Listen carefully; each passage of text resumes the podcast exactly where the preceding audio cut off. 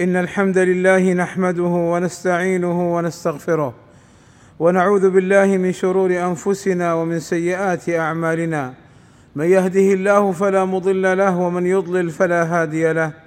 وأشهد أن لا إله إلا الله وحده لا شريك له. وأشهد أن محمدا عبده ورسوله. يا أيها الذين آمنوا اتقوا الله حق تقاته ولا تموتن إلا وأنتم مسلمون. يا أيها الذين آمنوا اتقوا الله وقولوا قولا سديدا يصلح لكم أعمالكم ويغفر لكم ذنوبكم ومن يطع الله ورسوله فقد فاز فوزا عظيما. أما بعد فإن أصدق الكلام كلام الله وخير الهدي هدي محمد صلى الله عليه وسلم وشر الأمور محدثاتها وكل محدثة بدعة وكل بدعة ضلالة وكل ضلالة في النار. عباد الله إن صيام يوم عرفة أخبر النبي صلى الله عليه وسلم أنه يكفر السنة الماضية والسنة التي بعده. فعن أبي قتادة رضي الله عنه قال سئل رسول الله صلى الله عليه وسلم عن صوم يوم عرفة فقال يكفر السنة الماضية والباقية.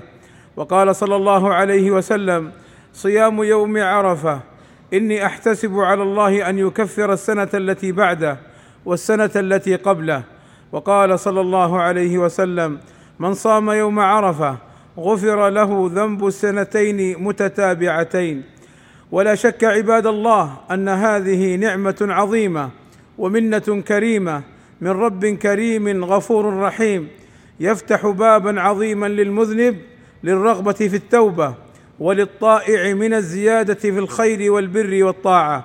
وهذا في الذنوب التي بين العبد وبين ربه يكفرها صيام يوم عرفة.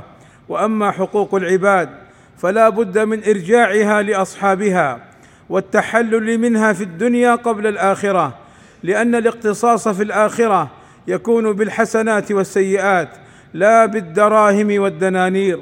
وقد أخبر النبي صلى الله عليه وسلم أن حقوق العباد لا بد أن تؤدى إليهم فمن أداها في الدنيا فقد برئت ذمته ومن لم يؤدها في الدنيا تقتص منه يوم القيامة.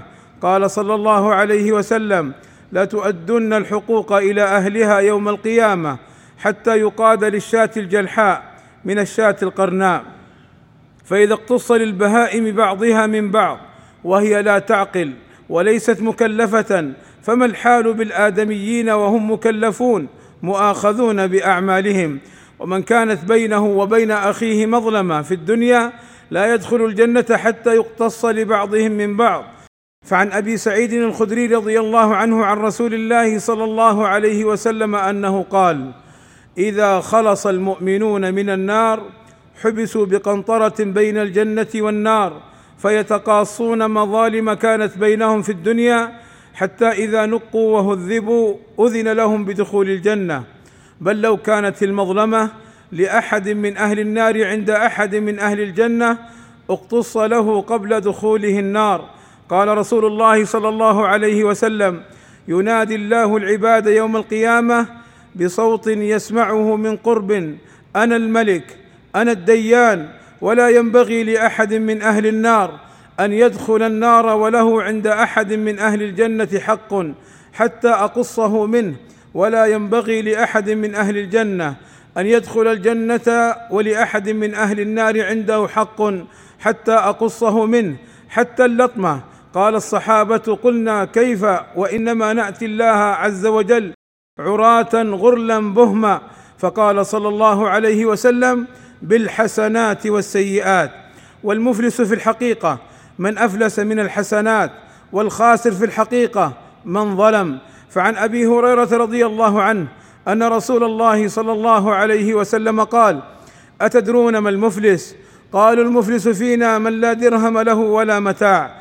فقال صلى الله عليه وسلم إن المفلس من أمتي يأتي يوم القيامة بصلاة وصيام وزكاة ويأتي قد شتم هذا وقذف هذا وأكل مال هذا وسفك دم هذا وضرب هذا فيعطى هذا من حسناته وهذا من حسناته فإن فنيت حسناته قبل أن يقضى ما عليه أخذ من خطاياهم فطرحت عليه ثم طرح في النار.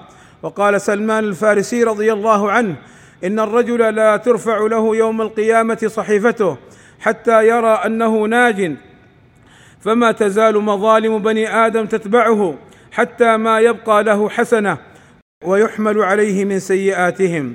والتحلل في الدنيا من المظالم بأن تؤدي الحقوق إلى أهلها وتطلب ممن ظلمته العفو والسماح قبل أن يأتي يوم يقتص فيه من الحسنات.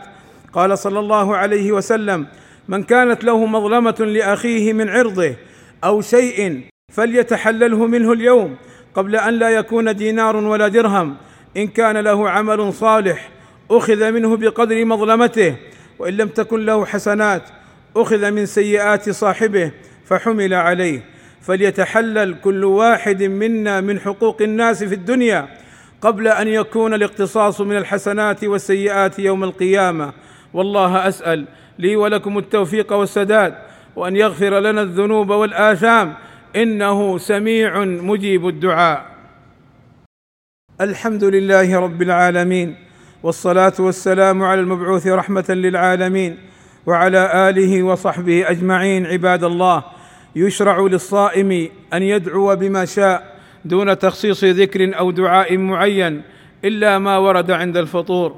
ولا يشرع الاجتماع في المسجد من بعد الزوال إلى غروب الشمس فهذا غير مشروع لأن النبي صلى الله عليه وسلم لم يفعله.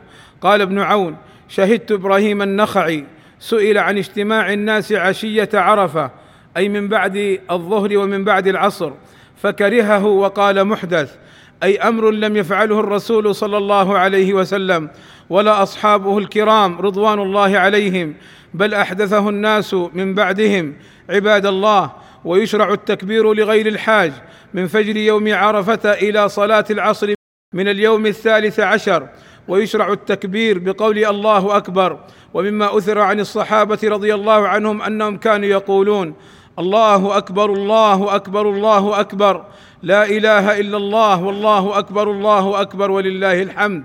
ويشرع أن يقال الله أكبر كبيرا الله أكبر كبيرا الله أكبر كبيرا ولله الحمد. الله أكبر وأجل الله أكبر على ما هدانا. ويكبر بكل تكبير شاء. عباد الله إن الله وملائكته يصلون على النبي. يا أيها الذين آمنوا صلوا عليه وسلموا تسليما. فاللهم صل على محمد وأزواجه وذريته. كما صليت على آل إبراهيم وبارك على محمد وأزواجه وذريته كما باركت على آل إبراهيم إنك حميد مجيد. وارض اللهم عن الخلفاء الراشدين أبي بكر وعمر وعثمان وعلي وعن جميع أصحاب النبي صلى الله عليه وسلم والتابعين لهم بإحسان وعنا معهم بمنك وكرمك يا أكرم الأكرمين. اللهم آتنا في الدنيا حسنة وفي الآخرة حسنة وقنا عذاب النار. اللهم فرج همومنا واكشف كروبنا ويسر أمورنا. اللهم اغفر للمسلمين والمسلمات والمؤمنين والمؤمنات الأحياء منهم والأموات. اللهم وفق ولي أمرنا الملك سلمان ابن عبد العزيز وولي عهده الأمير محمد ابن سلمان لما تحبه وترضاه وأصلح بهما البلاد والعباد واحفظهما اللهم من كل سوء. اللهم أيدهما بتأييدك ووفقهما بتوفيقك وأعز بهما الإسلام والمسلمين وصلى الله وسلم على نبينا محمد وعلى آله وصحبه أجمعين والحمد لله رب العالمين